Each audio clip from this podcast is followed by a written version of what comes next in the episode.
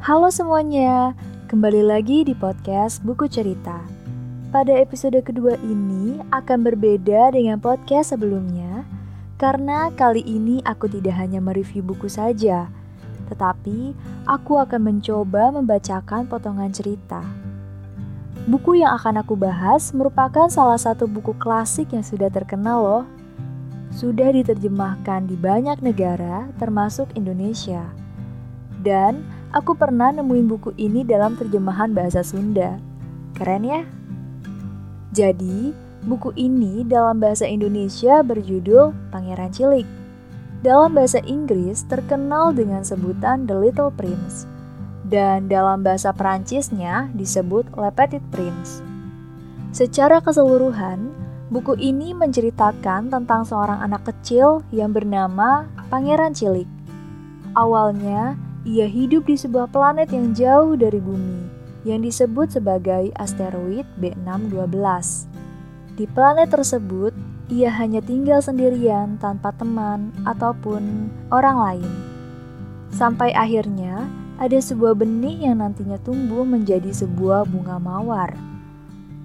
Pangeran Cilik dan bunga mawar awalnya hidup dengan baik-baik saja tanpa ada masalah. Tetapi karena ada suatu hal ia memutuskan untuk pergi dari planetnya. Dari sinilah dimulai Pangeran Cilik bertualang jauh dari rumah asalnya dan bertemu dengan berbagai macam manusia dan makhluk hidup lainnya.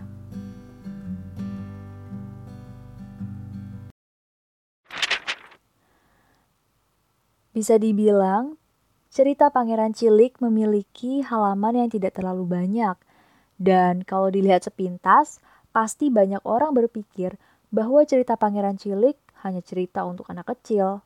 Padahal buku ini bisa dibaca oleh semua kalangan karena memiliki pesan-pesan yang sangat banyak dan memiliki makna untuk orang dewasa sendiri. Bahkan dari pembukaan yang ada di awal buku, ada sebuah pesan yang tercantum bahwa cerita ini secara tidak langsung diperuntukkan untuk orang dewasa.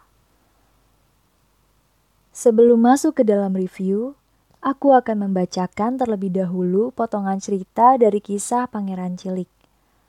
Aku akan mengambil potongan cerita dari kisah bertemunya Pangeran Cilik dan Rubah. Bisa dibilang, cerita ini merupakan bagian favoritku. Seperti apa sih pertemuan Pangeran Cilik dan Rubah ini nantinya? Dan apa yang bisa kita dapat dari kisah Pangeran Cilik? Oke, karena aku nggak mau berlama-lama ngoceh di opening ini, langsung saja aku akan memulainya dengan membacakan cerita. Selamat mendengarkan.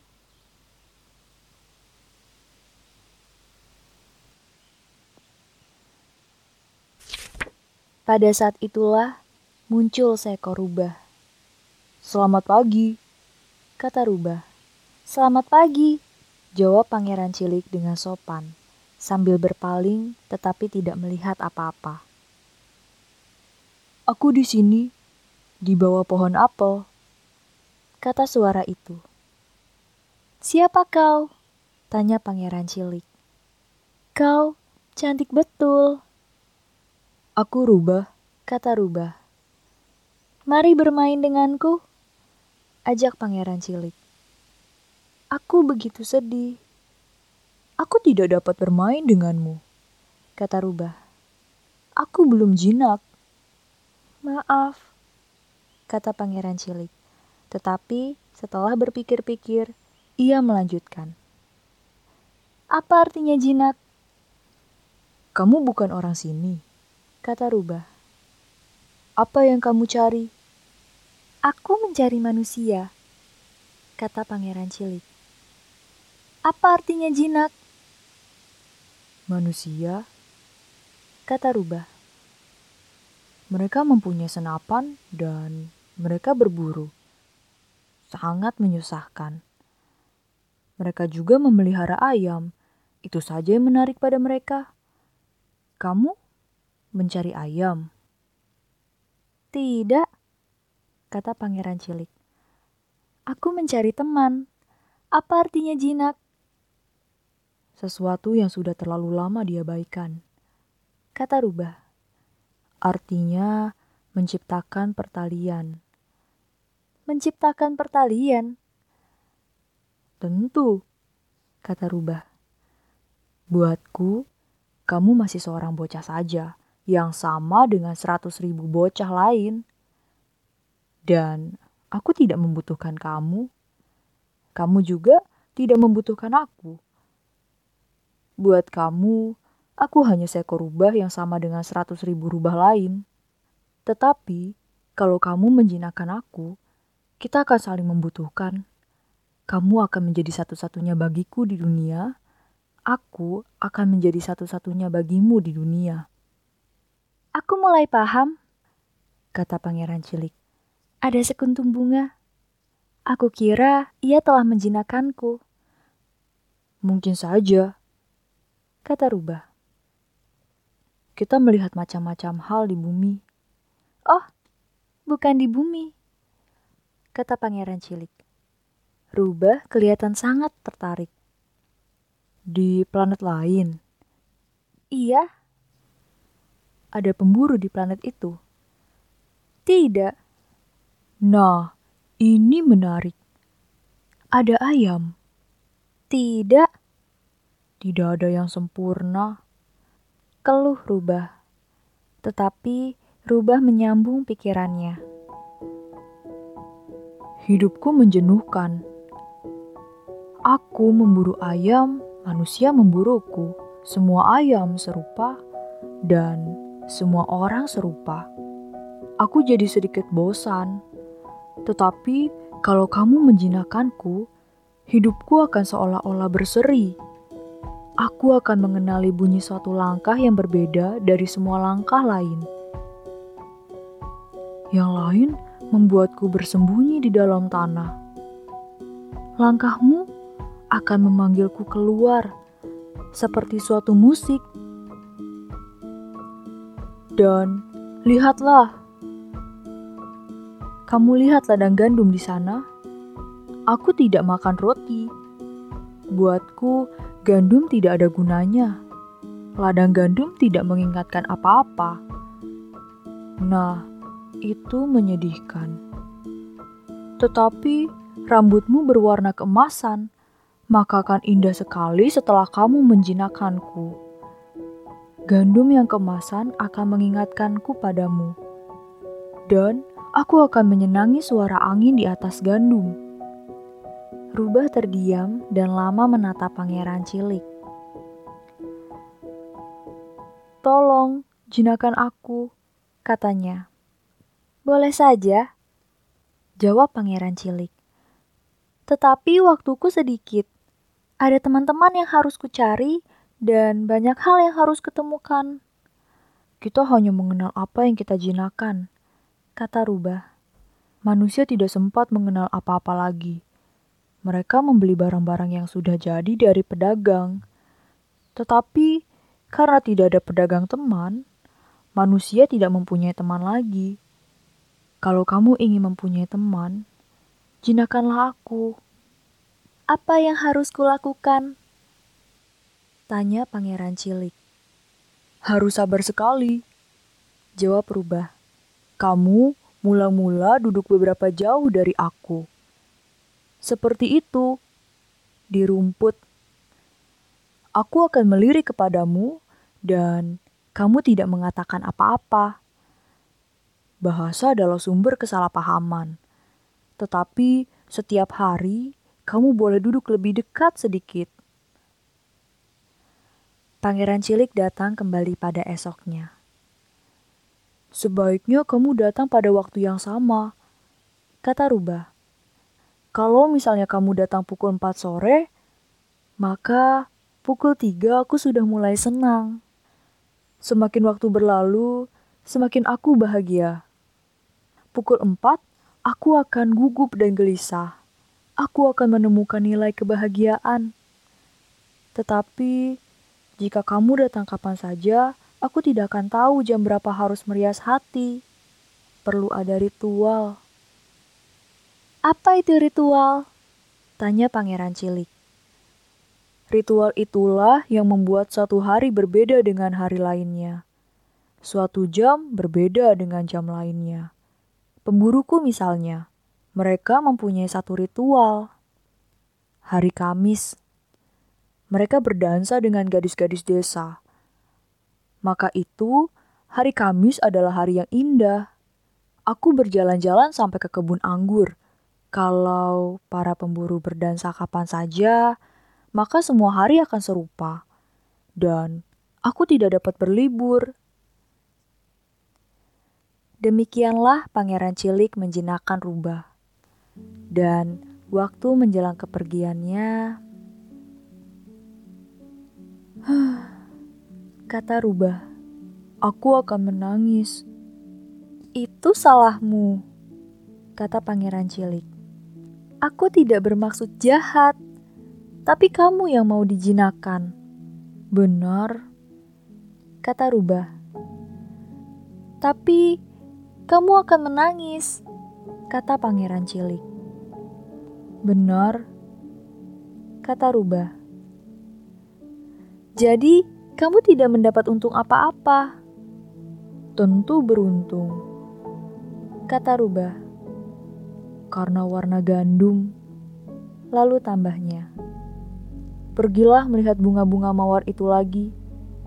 Kamu akan mengerti bahwa bungamu satu-satunya di dunia. Lalu kamu kembali kemari untuk pamit, dan aku akan menghadiahkan suatu rahasia kepadamu. Pangeran Cilik pergi melihat bunga-bunga mawar.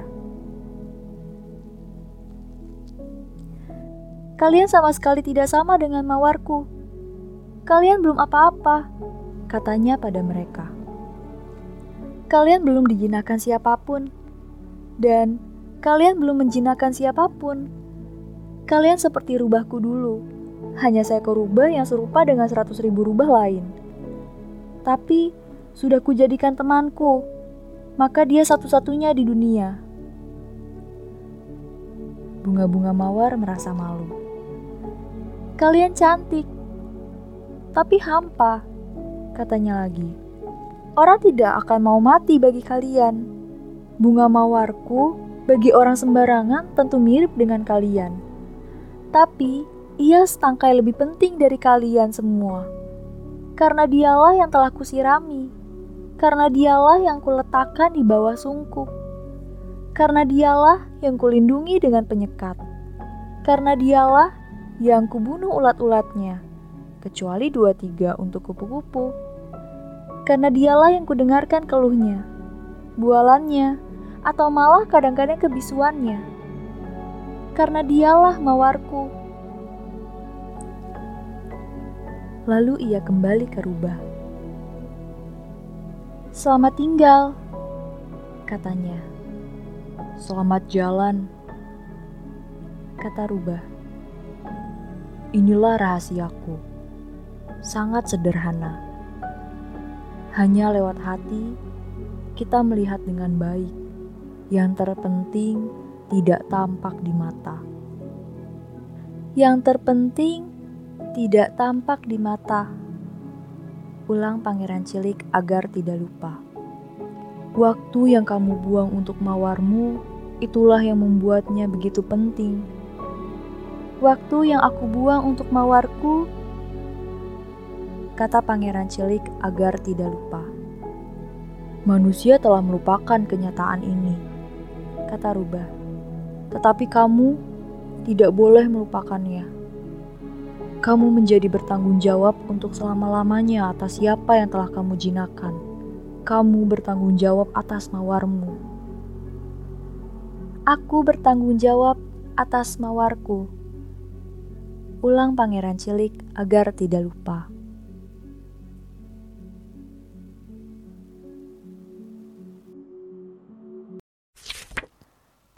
Menurutmu, bagaimana kisah Pangeran Cilik dengan rubah ini? Dalam satu bagian saja, sudah ada pesan yang ingin disampaikan, bukan? Pada kisah Pangeran Cilik dan Rubah, memberikan sebuah makna untuk membentuk sebuah hubungan dengan orang lain. Hubungan yang dimaksudkan pada kisah ini bukanlah sekedar hubungan yang sebatas menjadi rekan biasa. Tapi menurutku, hubungan yang maknanya lebih dalam lagi. Kita umpamakan bahwa Pangeran Cilik adalah aku Dan Rubah adalah orang yang kita lihat memiliki sebuah keistimewaan. Dan kita melihatnya karena ada sebuah ketertarikan dan ingin mencoba berkenalan dengannya. Untuk kita jadikan teman yang lebih dekat atau lebih dari itu. Rubah berkata, untuk bisa bermain dengannya, Pangeran Cilik harus menjinakkan dia terlebih dahulu. Yang berarti ada proses pengenalan di sana. Proses itulah yang sering kita gunakan untuk membentuk sebuah hubungan terhadap orang lain. Dengan narasinya rubah, kita mengetahui juga bahwa ada loh orang lain di sana yang melihat sebuah keunikan dari diri kita. Kita sering bertemu dengan banyak orang, tapi hanya menganggap orang-orang tersebut bukanlah orang spesial. Gak kayak martabak kan, dengan mudahnya kita bisa memesan yang spesial, ya enggak? Setiap harinya, berpapasan dengan orang banyak atau bertemu di tempat umum bukan menjadikan mereka spesial. Karena pasti kita hanya menganggap mereka seperti angin lalu saja. Kita nggak akan tuh mengingat orang-orang itu lagi dan pasti langsung lupa gitu aja. Tapi akan berbeda kalau kita bertemu dengan orang yang unik. Saat pertama kali bertemu, bisa saja meninggalkan sebuah kesan yang berbeda dari orang lainnya. Itu yang menjadikan dia unik, sehingga bisa mendorong diri kita untuk mengetahui lebih dalam lagi. Dalam kisah ini juga, Rubah menjelaskan bagaimana proses untuk bisa lebih dekat, bukan? Dan Rubah menjelaskan bahwa proses itu harus butuh kesabaran. Bahkan dalam ingin menjalin hubungan saja kita harus sabar. Aku setuju bagian itu. Karena memang untuk menjalin sebuah hubungan yang lebih dalam lagi, kita memerlukan kesabaran. Sabar mengetahui sifatnya, kebiasaannya, dan semua tentang dirinya. Sampai kita tahu seperti apa orang itu yang bisa mengantarkan rasa nyaman ke kita. Dan sebuah hubungan menurutku adalah sesuatu yang sangat penting dan sesuatu yang sangat aku hargai. Kisah rubah ini memberi pesan untuk bertanggung jawab atas hubungan kamu dengan orang yang kamu sayangi. Seperti Pangeran Cilik dan Mawar. Memang bisa dibilang, Bunga Mawar sangat bersikap egois terhadap Pangeran Cilik. Tapi, kalau dibayangkan kembali, Bunga Mawar tidak bisa menghidupi dirinya sendiri tanpa bantuan Pangeran Cilik. Sehingga mereka berdua itu saling membutuhkan satu sama lain. Bunga Mawar tumbuh dengan cantik dan sehat karena Pangeran Cilik, dan Pangeran Cilik pun tidak merasa kesepian lagi. Dengan keputusan Pangeran Cilik yang pergi dari planetnya itulah yang tidak bertanggung jawab karena Pangeran Cilik pergi tanpa merasa bersalah untuk meninggalkan mawarnya sendiri. Tapi mau gimana lagi? Pangeran Cilik hanyalah seorang anak kecil yang masih polos dan belum mengetahui apa pun. Pertemuan dengan Rubah mengajarkan kepada Pangeran Cilik dan bahkan kita untuk bisa lebih bijak dalam membangun sebuah hubungan dan menyayangi orang yang spesial untuk kita. Ingat, yang menjadikan mereka spesial adalah karena mereka itu dapat berlabuh di hati kita. Mereka yang dapat menyentuh hati kita. Seperti perkataan rubah, yang terpenting itu tidak tampak di mata. Berarti itu semua kita rasakan dari dalam diri kita, bukan dari apa yang kita lihat. Itu semua pendapatku akan kisah rubah dan pangeran cilik. Aku yakin mungkin dari kalian juga memiliki pendapat yang berbeda. Kisah Pangeran Cilik memiliki banyak filosofi kehidupan di dalamnya. Jadi, walaupun kisahnya sangat pendek, terkadang memerlukan waktu untuk mencerna semua kisah di dalamnya. Masih banyak pesan yang dapat dipelajari dari petualangan Pangeran Cilik yang bisa kamu baca langsung. Dengan sudut pandang Pangeran Cilik, sosok anak kecil polos dan lugu, saat membaca kisah ini akan banyak menemukan bahwa manusia sudah sibuk dengan kekayaan, kekuasaan, dan kesombongan. Sehingga melupakan hal-hal kecil seperti cinta, persahabatan, dan keindahan. Orang dewasa selalu berbicara tentang fakta atau mengukur semuanya dengan nilai dan angka. Sampai terkadang itu semua membuat kita kehilangan makna hidup sesungguhnya. Dan juga ada beberapa pesan yang bisa menampar secara tidak langsung. Bahwa kita hidup secara tidak sadar mengikuti sekeliling kita yang monoton. Kita lupa, waktu kecil kita mempunyai cita-cita yang sangat tinggi, bahkan beragam. Tapi semakin dewasa, mulai lelah dengan diri sendiri yang akhirnya tujuan berubah menjadi yang terpenting aku bisa hidup tanpa ada gangguan. Bahkan pasrah gitu aja. Membaca kisah Pangeran Cilik mengembalikan ingatan kepada sosok anak kecil yang ada di dalam diri kita yang polos dan ingin tahu banyak hal. Aku akan selalu merekomendasikan buku ini ke siapa pun. Jangan tertipu sama cerita atau ilustrasi di dalamnya. Dan juga, kisah Pangeran Cilik sudah dijadikan film loh. Kamu bisa menontonnya kalau sudah membaca ini atau mau langsung ditonton sebelum membacanya juga nggak masalah. Aku bersyukur bisa mengetahui cerita Pangeran Cilik dan membaca bukunya. Bagiku, kisah Pangeran Cilik merupakan sebuah kisah yang sangat indah dan juga bisa dibilang sangat menyedihkan. Walaupun setelah membaca banyak hal yang direnungkan, tapi dari sini aku pun sadar untuk menghargai orang-orang di sekitarku dan harus lebih menikmati apa yang aku sukai. Kali ini aku akhiri podcastku sampai sini, dan aku harap kalian suka. Sampai bertemu di episode selanjutnya.